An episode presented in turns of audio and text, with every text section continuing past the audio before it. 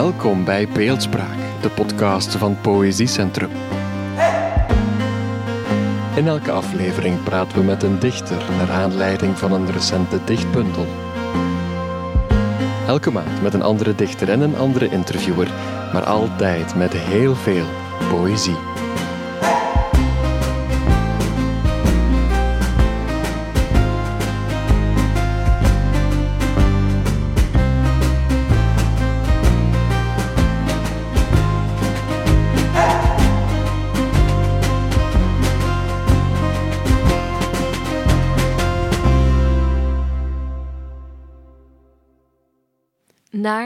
Gelijkenis.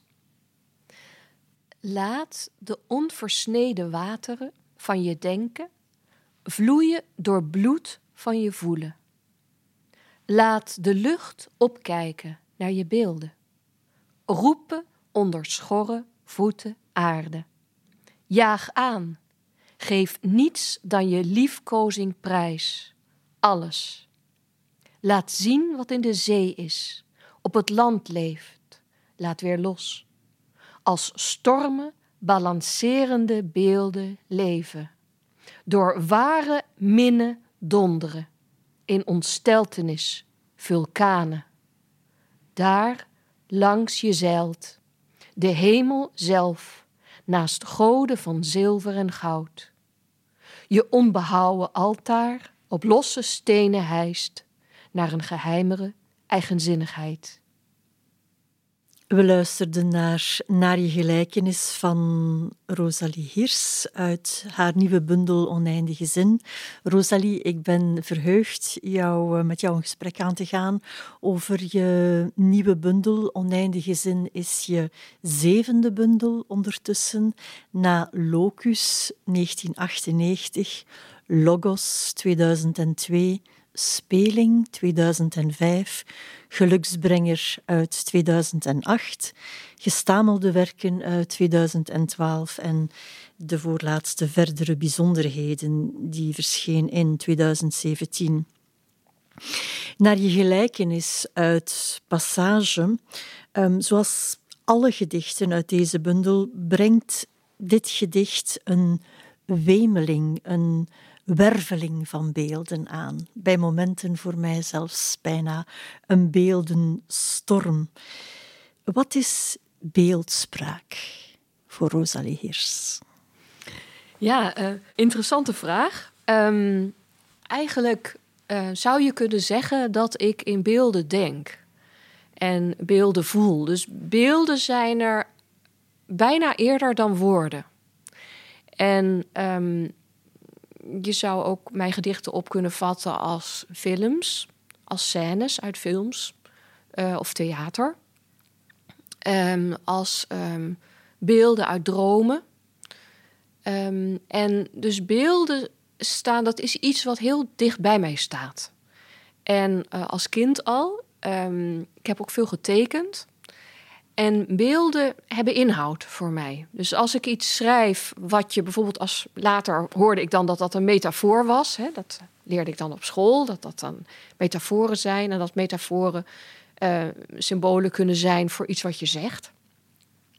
En je zou dus kunnen, um, ja, je zou eigenlijk mijn gedichten kunnen zien als stromen van beelden ook, uh, filmisch. En tegelijkertijd drukt het natuurlijk iets uit. En ik stop er heel veel in, dus het is heel rijk. Um, alles betekent iets, dus alles heeft betekenis, alle beelden, alle woorden. Um, en tegelijkertijd probeer ik ook een soort openheid te genereren uh, in, in deze gedichten, um, die ruimte geven aan de lezer om de beelden te interpreteren en te duiden uh, of niet te duiden. Hè. Soms, uh, uh, sommige mensen kunnen het ook als klank lezen en dan soms betekenis aan dingen toekennen en soms niet. En een gevoel en een sfeer. Hè, dus die beelden hebben ook een gevoel en een sfeer. En ja, en uiteindelijk gaat het dan om de opeenvolging van beelden. Dus je hebt een stroom van beelden, zoals je bijvoorbeeld in de muziek ehm, harmonie hebt, een opeenvolging van harmonieën. En wanneer is dan een beeld, um, ligt dat in de lijn van de verwachting van de, van, van de zin, van de regel. En wanneer is het verrassend? En zo, is, zo ontstaat eigenlijk een ritme van betekenissen en een ritme van beelden. Net als in de muziek. Dat in de muziek heet dat harmonisch ritme. En ik zou dat in mijn gedichten. Uh, ik heb ooit het woord betekenisritme uh, bedacht in een gesprek met een collega-dichter. En je zou dus die, dat harmonische ritme, wat vaak een opeenvolging van dominant en tonica is, dus spanning en ontspanning. Je zou ook kunnen zeggen dat ik daar een soort vrije invulling aan geef en dat eigenlijk op die manier componeer. Dus eigenlijk mijn gedichten zo componeer. Wat ik, um, wat ik merk in Naar je gelijkenis, ik merk heel wat een soort van aansporende wijs in je manier van spreken. Laat de onversneden wateren. Laat de lucht opkijken. Jaag aan. Geef niets dan. Laat zien. Enzovoort. Um, mij als lezer kwam het eigenlijk bijna over als een soort van wensspraak uh, die je ontwikkelt, gericht aan jezelf, waarbij je jezelf in het gedicht iets toewenst en op die manier eigenlijk een soort van droomportret van je maakt. Ik vind, het een, ik vind een wens vind ik een hele goede vondst van jou. Um, ik denk zeker dat, um, dat mijn gedichten zijn altijd constructief. En wat ik aan de lezer toewens, um, zijn uh, om, deel te, om zich deel te voelen van het, van het eigen leven. Um, om ja te zeggen tegen het leven. Om te groeien. Om liefde te voelen. En uh, dat zijn dingen die ik aan de ander toewens, maar die wens ik natuurlijk ook aan mezelf toe. En uh, vaak kunnen we um, het beste aan de ander wensen wat we het zelf ook, zelf ook het hardst nodig hebben. Dus, en dat is, dus ik vind dat een hele uh, goede opmerking van jou en interessant ook. Um, want wat je eigenlijk ziet is, um, kijk, ik, ik treed in relatie tot de wereld met mijn bundels. En het is vaak een, zelfonderzoek. Hè? Het is een, vaak een onderzoek van hoe zijn de dingen in de wereld? Hoe sta ik in de wereld? Hoe verhoud ik me tot de ander? Um, en uh, hoe verhoud ik me bijvoorbeeld als onderdeel van een groep? Als, hoe sta ik in de ruimte van een huis? Hoe sta ik in de ruimte van de wereld? Uh, hoe staat, sta ik als onderdeel van de wereld in de kosmos? En dus het zijn, er zijn eigenlijk steeds perspectiefwisselingen. Dit gedicht is een beetje als een gebed. Hè? Dus het is een beetje hmm. een aanroepen van, ook van een god misschien. Hè? Um, uh, het is ook een beetje religieus. Hè? Ik heb het over het uh, altaar. Uh, die, die, dat zijn wel losse stenen. Hè? Dus je moet het eigenlijk nog samen, samenvoegen, het altaar. Um, en het heilige, dus de, de, de, de, de, de, de eigenzinnige geheimzinnigheid noem ik het. Um, en het heilige, de ziel, komt ook voor. Dat zijn allemaal een beetje beladen woorden in onze cultuur. Mensen gebruiken die woorden niet meer zo graag. En ik wil eigenlijk die woorden in een nieuw licht plaatsen. Daar, daar zou ik het straks uh, okay. aan de hand van Prima. een uh, ander gedicht. Misschien nog, nog één ja. um, vraagje over, um, over naar je gelijkenis, um, de beeldspraak die daarin ontwikkeld wordt. Um, in dit gedicht, maar het is eigenlijk een soort van gedachte die de hele tijd bij het lezen bij mij is opgekomen. Lijkt het mij alsof je de synesthesie in je gedichten eigenlijk ten top drijft. Hè? Dus eigenlijk het hm. samengaan, het mobiliseren van al je zintuigen om mm -hmm ja, de beelden te genereren. Is dat een spoor? Um, dus ja. de synesthesie ten top gedreven. Ja, ik vind dat een, he ik vind een hele leuke opmerking. Uh, ik ben zelf niet synesthetisch, moet ik mhm. eerlijk zeggen. Um, ik ken wel mensen die het zijn. Er zijn hele veel vormen van synesthesie. Um, ik pak even het gedicht erbij. Kijk, voor mij is de cognitie, hè, dus, dus alles wat met uh, waarneming, verwerking van informatie, zintuigen, um, voelen, denken. Um, ook luisteren bijvoorbeeld. Um, zien, innerlijk zien, dus intuïtief zien. dromen, dagdromen, uh, associëren, lateraal denken. Al die dingen ik sta eigenlijk open voor al die dingen. En ik laat eigenlijk het gedicht ontstaan uit die veelheid van cognitieve uh, informatiestromen.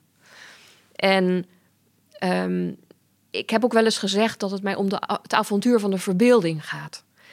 En dat is in feite dat je dus open staat voor nieuwe verbindingen leggen tussen ehm, associaties, waarnemingen, herinneringen, betekenisgeving aan, aan, aan, dingen die je weet en nieuwe betekenis geven. En zo kan eigenlijk het nieuwe ontstaan. Dus voor mij is die hele bundel en al mijn eerdere werk, maar dat is wel geculmineerd nou in deze bundel, is het eigenlijk een viering van de creativiteit en de verbeelding. En het is een, ja, het is een viering van het leven daarmee ook. En de ontmoeting, de kwetsbaarheid. Als je zelf kwetsbaar bent, ik zeg, ik, ik begin het gedicht met open je ogen in staat van onschuld, trek je naaktheid aan. Als jij naakt bent, hè, dan ben je kwetsbaar. En dan kan je de ander ontmoeten en dan kan je de wereld ontmoeten en de wereld eigenlijk in een nieuw licht zien. En de ander in een nieuw licht zien, maar ook jezelf in een nieuw licht.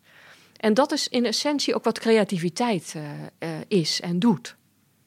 Dus, de, dus de, uh, ik, ik, ik, ik, voeg nog één ding aan toe. Dat, wat ik de lezer gun eigenlijk met het, met het schrijven van deze bundel, is dat ik de lezer laat delen in het gevoel van creatief zijn in, het, in, het, in, het, um, in de ervaring die ik heb als ik een gedicht maak.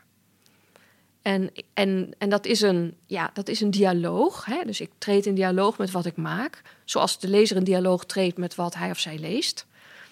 En, um, en dat is een, ja, dat is een heel mooi proces. Het is soms ook spannend, hè? want het is, je komt ook dingen tegen die, je misschien, die misschien onbekend zijn.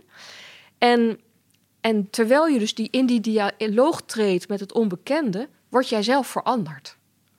En, en, en kun je groeien en kun je dingen op een nieuwe manier zien.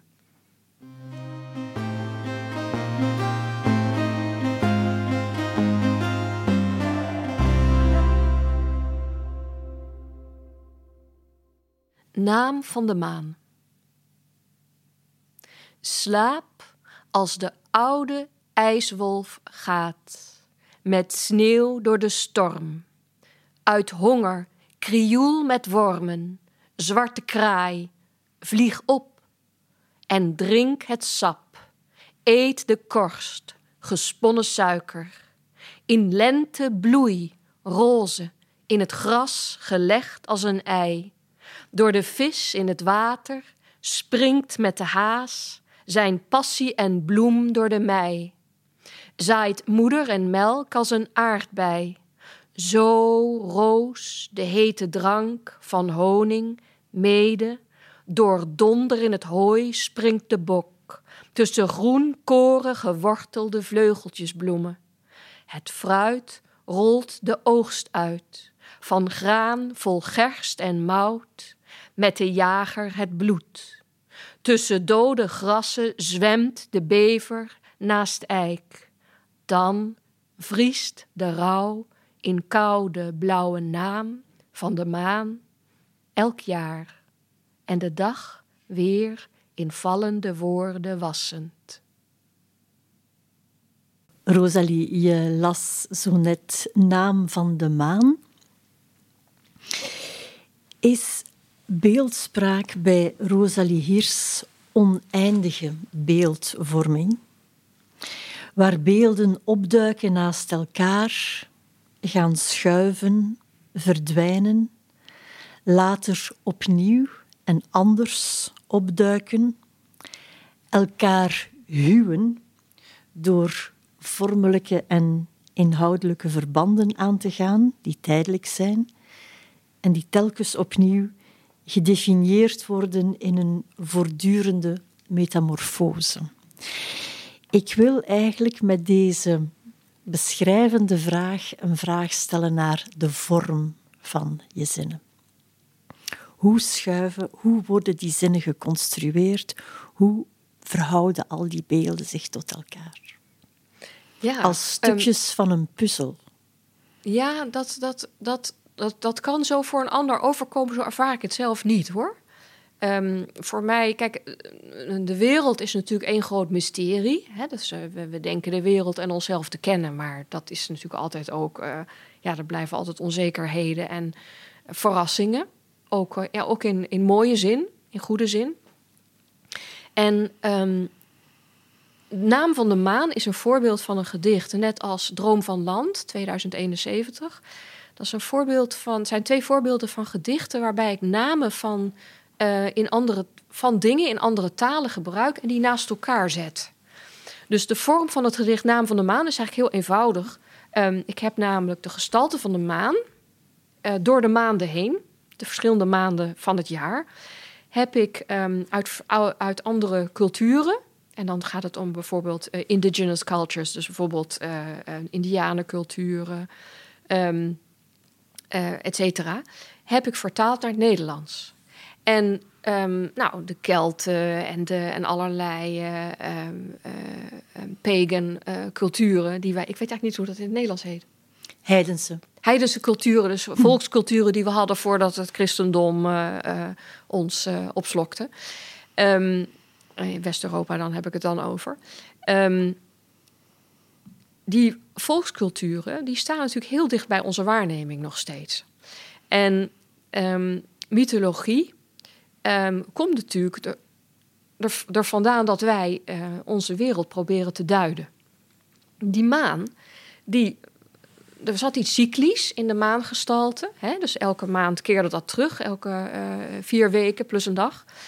En, um, en, en onze voorouders zagen patronen. Dus die zagen, oh, bij die maan hoort de oogsttijd. Bij die maan horen dat de, eh, de, de, bloemen gaan bloeien. Bij die maan hoort dat het koud is en dat het vriest. Dus die gestalte van de maan, dat cyclische eigenlijk van het leven, waar je als vrouw natuurlijk nog meer mee te maken hebt uh, dan als man. Want uh, dit is in zekere zin die namen van de maan staat ook natuurlijk, en die, en die cycliciteit van de maagstad staat ook een beetje symbool voor de menstruatiecyclus bij vrouwen. Waar wij gewoon mee te maken hebben. Daar wordt soms uh, over gedaan. Er is wel eens een uh, mannelijke recensent geweest die mijn uh, poëzie afdeed als vruchtbaarheidspoëzie. Maar ja, ik heb 40 jaar van mijn leven heb ik moeten dealen met het feit dat ik vruchtbaar was. En heb ik ja, eh, voormoedsmiddelen moeten gebruiken. Dus ik werd maandelijks geconfronteerd met, met mijn vruchtbaarheid. En die naam van de maan is daar een viering van. Dus van de vruchtbaarheid, van de cyclus. Uh, want, en, en dan zeg, breng ik eigenlijk het verband van... je hebt die maandelijkse cyclus van de maangestalte. Die zit weer met 13 maanden, zit die weer in een jaar. En tegelijkertijd heb je natuurlijk elke dag dat de maan weer opkomt en anders is aan de. En zo zijn eigenlijk mijn woorden, dus de wassende maan, dus de woorden worden ook gewassen eigenlijk. En die, die komen op en die vergaan. En, en zo is dat ook in mijn oneindige zin in deze bundel, dat eigenlijk zie ik de verschijning, ik zie de verschijn, ik, ik vier eigenlijk de verschijning van de woorden en het vergaan van de woorden. En de, en de dwarsverbanden die ontstaan Terwijl je dus, want dat doet de verbeelding, dat leg je er niet van. Dat, is precies de vormvraag, effectief. Dat, dat mhm. Kijk, dat construeer je niet. Want dat, mhm. dat is ook iets wat jou overkomt als, mhm. als, je, creatief, als je echt creatief bent en op zoek bent naar het nieuwe. Ja, dus je wordt zelf eigenlijk, eh, als ik het goed begrijp, overweldigd door die beelden. Dus, uh, want ik ga zeggen, als lezer van ik, word niet. Ik word niet overweldigd, hoor. Ik, ik, ik geniet er ontzettend van. Ja, ja, ja, maar als lezer van Oneindige Zin, ik heb het boek ja, twee tot drie maal gelezen. Hè. Ehm, de eerste vraag die ik mij stelde is, is dit een, een vormproject eigenlijk? Want een zin is natuurlijk een vorm op zich. Hè. Een zin maken is vanzelfsprekend ja. verhoudt de vorm zich tot een betekenis. Maar als lezer, als iemand die niet jouw spraak spreekt, maar dus die kennis maakt met jouw spraak, ja. kwam het mij over, en dat is helemaal niet um, negatief bedoeld. Hè. Dus dat is, in tegendeel, het kwam ontzettend fris over. Het kwam ontzettend um, spelend, beweeglijk, plastisch, um, heel flexibel um, over. Maar als, als een soort van universum waar verschillende beelden eigenlijk bijna in een soort van nevenschikking naast elkaar worden geplaatst. En ja, je als lezer kan, kan hier eigenlijk mee gaan schuiven, omdat sommige zinnen kan je achterwaarts en voorwaarts gaan lezen. En bepaalde beelden die opduiken, die komen achteraan weer terug. Dus je ziet het eigenlijk ook natuurlijk als buitenstaander. Hè? Als, waarschijnlijk als, als dichter ben je natuurlijk bezig met, met vanzelfsprekend ook het inhoudelijke, zoals je zei. Maar als lezer komt, kom je eigenlijk eerst in aanraking met de vorm. En die vorm die is, die is gewoon heel plastisch en die, die is heel beweeglijk. En de, de betekenissen die ontplooien zich in allerlei richtingen. Hm. Dus horizontaal voorwaarts achteraan, in de, voorwaarts hm. achterwaarts. En ja, ook eigenlijk verticaal in het gedicht. En in, in die zin is het, is het een, een, heel mooi plastisch um, vormspel. Voor mij is dit een, um, een kracht van de bundel. Dus kijk, het belangrijkste voor mij bij het schrijven van een gedicht is het moment tot moment. Dat moet kloppen. Dus de zin moet kloppen, de betekenis moet kloppen, grammaticaal moet het kloppen. En eh, dat kun jij misschien puzzelstukken noemen. Hè? Dus de puzzel moet in elkaar vallen. Maar dat is heel spelenderwijs. Dus dat is niet. Ik ben, wat dat betreft, ik ben niet geen dogmaticus. Dus, dus, dus, maar het moet wel. Eh, het is taal taal heeft betekenis, dus de betekenis moet kloppen. Van moment tot moment. Dus ik lees het gedicht natuurlijk heel vaak terwijl ik het schrijf. Ik optimaliseer het, dus ik verdicht de taal en ik duw het in elkaar, zodat er heel veel betekenissen uh, kunnen ontstaan. En dat is dus uh, per definitie een gedicht, eigenlijk, hè, verdichte taal. Um, en tegelijkertijd wil ik dat verschillende leesmogelijkheden naast elkaar bestaan. En dan zoek ik de optimale verschijningsvorm van het gedicht bij, deze inhoud. Eigenlijk bij de leeservaring, bij de betekenissen, bij de klanken. En uh, in dit geval, in deze bundel, kwam ik vaak uit op um, langere regels en die tweeregelige vorm. Zodat de anacolut die ik schijn te gebruiken, daar was ik me helemaal niet bewust van. Dat Alain Delmotte uh, wees mij daar op een gegeven moment op in een essay. Um, dan kan die anacolut eigenlijk zijn, heeft de vrijheid om zijn werk te doen. Dus dan zie je als lezer direct die verbanden van de, van de dat je, dat je de, de, de zinsdelen eigenlijk met elkaar kan verbinden. En dat je dus um, een zinsdeel bijvoorbeeld dat er nog bij het voorgaande kan horen, als afsluiting van een zin bijvoorbeeld, en nog bij het volgende. En het voordeel van het Nederlands is, boven het Duits bijvoorbeeld, uh, want ik ben in Duitsland opgegroeid en ik schrijf ook soms in het Duits is dat er veel meer vrijheid is. Anacolutische vrijheid eigenlijk van de zinsbouw. En uh, het is, heeft wat minder vrijheid dan het Engels. In het Engels is het nog extremer. Maar het Nederlands heeft eigenlijk een soort ideale combinatie van wel die uh, casussen, van, van die, van die, uh, die, um, die, die causes die, die, die, uh, die het Duits heeft. Maar, hij heeft, maar de Nederlandse taal heeft de vrijheid van het Engels. Dus het zit er een beetje tussenin. En ik Kijk, het is natuurlijk vervelend dat Nederland zo, in Nederland zo'n klein taalgebied is. Maar het heeft de taalkunde gezien, heeft Nederlands een ontzettende schoonheid. Uh, en heel veel mogelijkheden eigenlijk als dichter om, om mee te werken.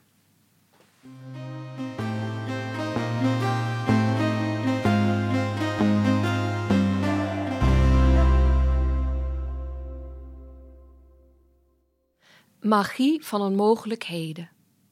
1. Teruggekomen uit de dood, in werkelijkheid helemaal springlevend, zwijgende zuigeling die niet drinkt nog, omdat bij slikken je bijna stikt op de grens tussen melk en adem, rakend aan een taal zo nieuw en overweldigend dat krijsen ontbreekt de glanzende stof waarop je stuit, in woudachtige, vertelkrachtige zinnen.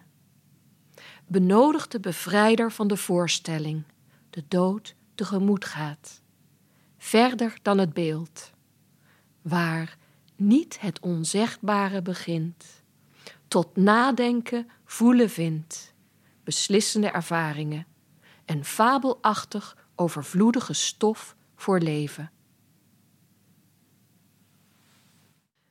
Magie van een mogelijkheden.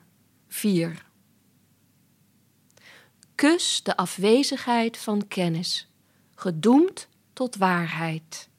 Werkelijk open en wendbaar, als een ziel onherroepelijk verlangt naar onthulling van gebeitelde, lotsgebonden verhalen.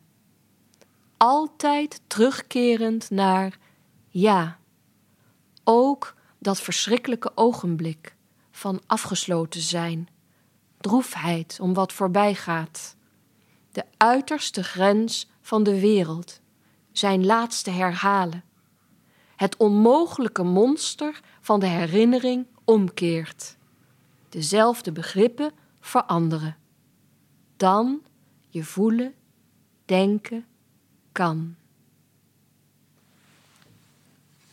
Magie van een mogelijkheden 9. Het gaat erom hoe het vergetene ontschiet. Zeker. Ongerijmd overgedragen aan herinnering. Opzij geschoven. Ieders kenbare vorm van trouw. Heel en gereed. Plots een wervelende storm ontwaart. Een soort heilig, onvergetelijk gebaar van de omgekeerde omhelzing intact gelaten, niet herinnerde roep der hemelse wemelingen.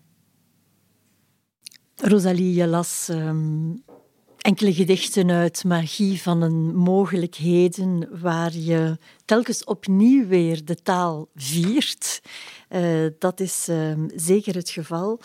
Vele gedichten uit Magie van de mogelijkheden zijn voor mij een reflectie over het dichten um, zelf, over de noodzaak om te benoemen um, in je verhouding tot het onzegbare, het onuitsprekelijke, lijkt mij een van de grote thema's die deze bundel oneindige zin doorkruisen. Ja, en uh, dat is helemaal waar. Um, en tegelijkertijd is dat het gedicht en het, en het schrijven en het spreken is ook metafoor voor het leven.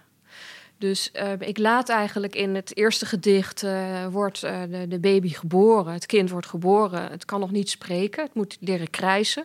Het overlijdt bijna omdat het nog moet leren ademen en dat niet helemaal lukt. Is trouwens een autobiografisch gegeven. En uit dat ja, uit die ene cel natuurlijk, die zaadcel en die eicel, die twee cellen, eh, die zijn samengekomen, uh, uh, ontstaat dat kind en dat nieuwe leven. En dat is een wonder, want dat kind kan nog niet spreken. Dat kind leert dus de taal, doet nou, in, de, in, de, in de, de strijd natuurlijk tijdens de geboorte gebeurt dat al, ontstaat al het narratief van het leven. Hè? Dus daar, daarom kunnen we er nu ook over praten.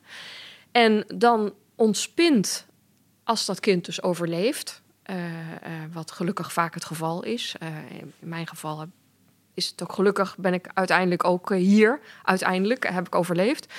En dat kind ontvouwt dan eigenlijk zijn of haar leven en ook zijn of haar taal. En de verhalen die horen bij dat leven. En deze bundel is, um, zeker deze serie Magie van de Mogelijkheden, um, gaat heel erg over het mens zijn ook over angsten. Uh, depressieve gevoelens bijvoorbeeld. de, de, bundel Oneindige Zin gaat er ook over om de zin te vinden in het leven. En um, de zin in het schrijven, in het vertellen. En dat kind, dat kleine babytje, wat dus nog moet leren krijsen, op dat moment begint, ontvouwt dat leven zich en ontstaat een enorme rijkdom die uniek is voor die ene persoon. En dat is, wat dat betreft is deze serie ook een beetje ja, humanistisch.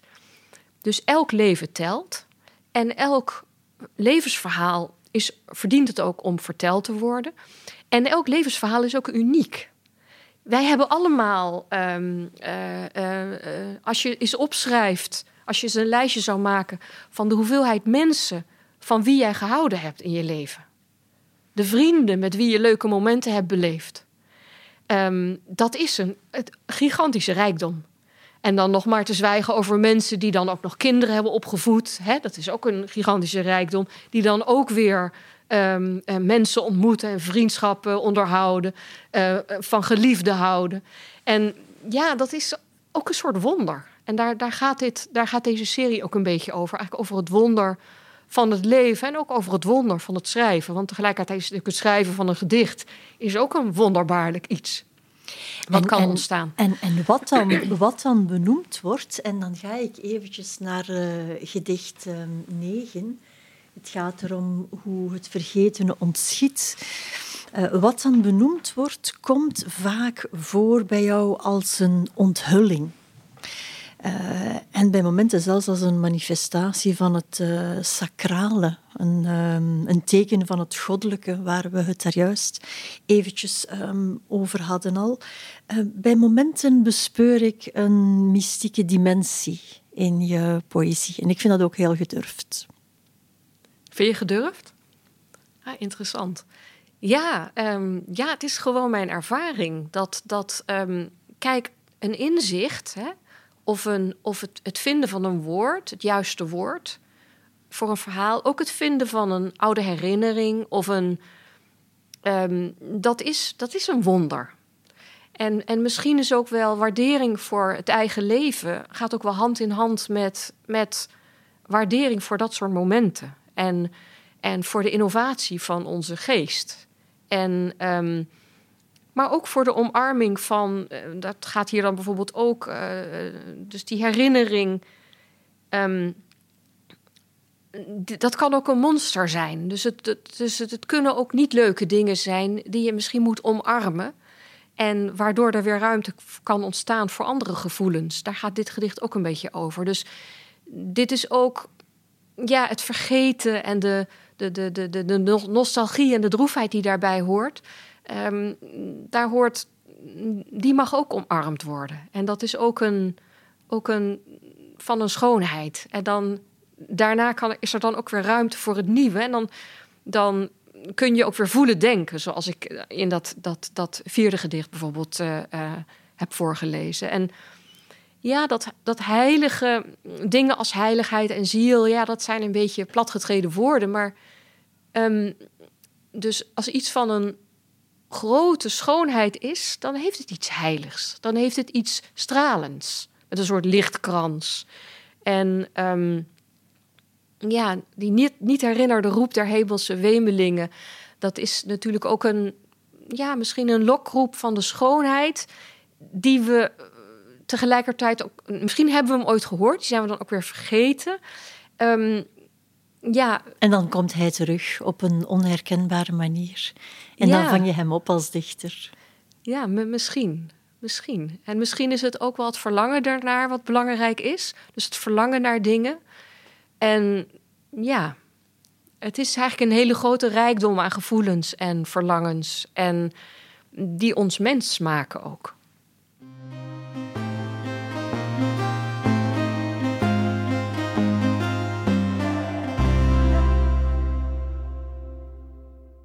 Hand in hand twee.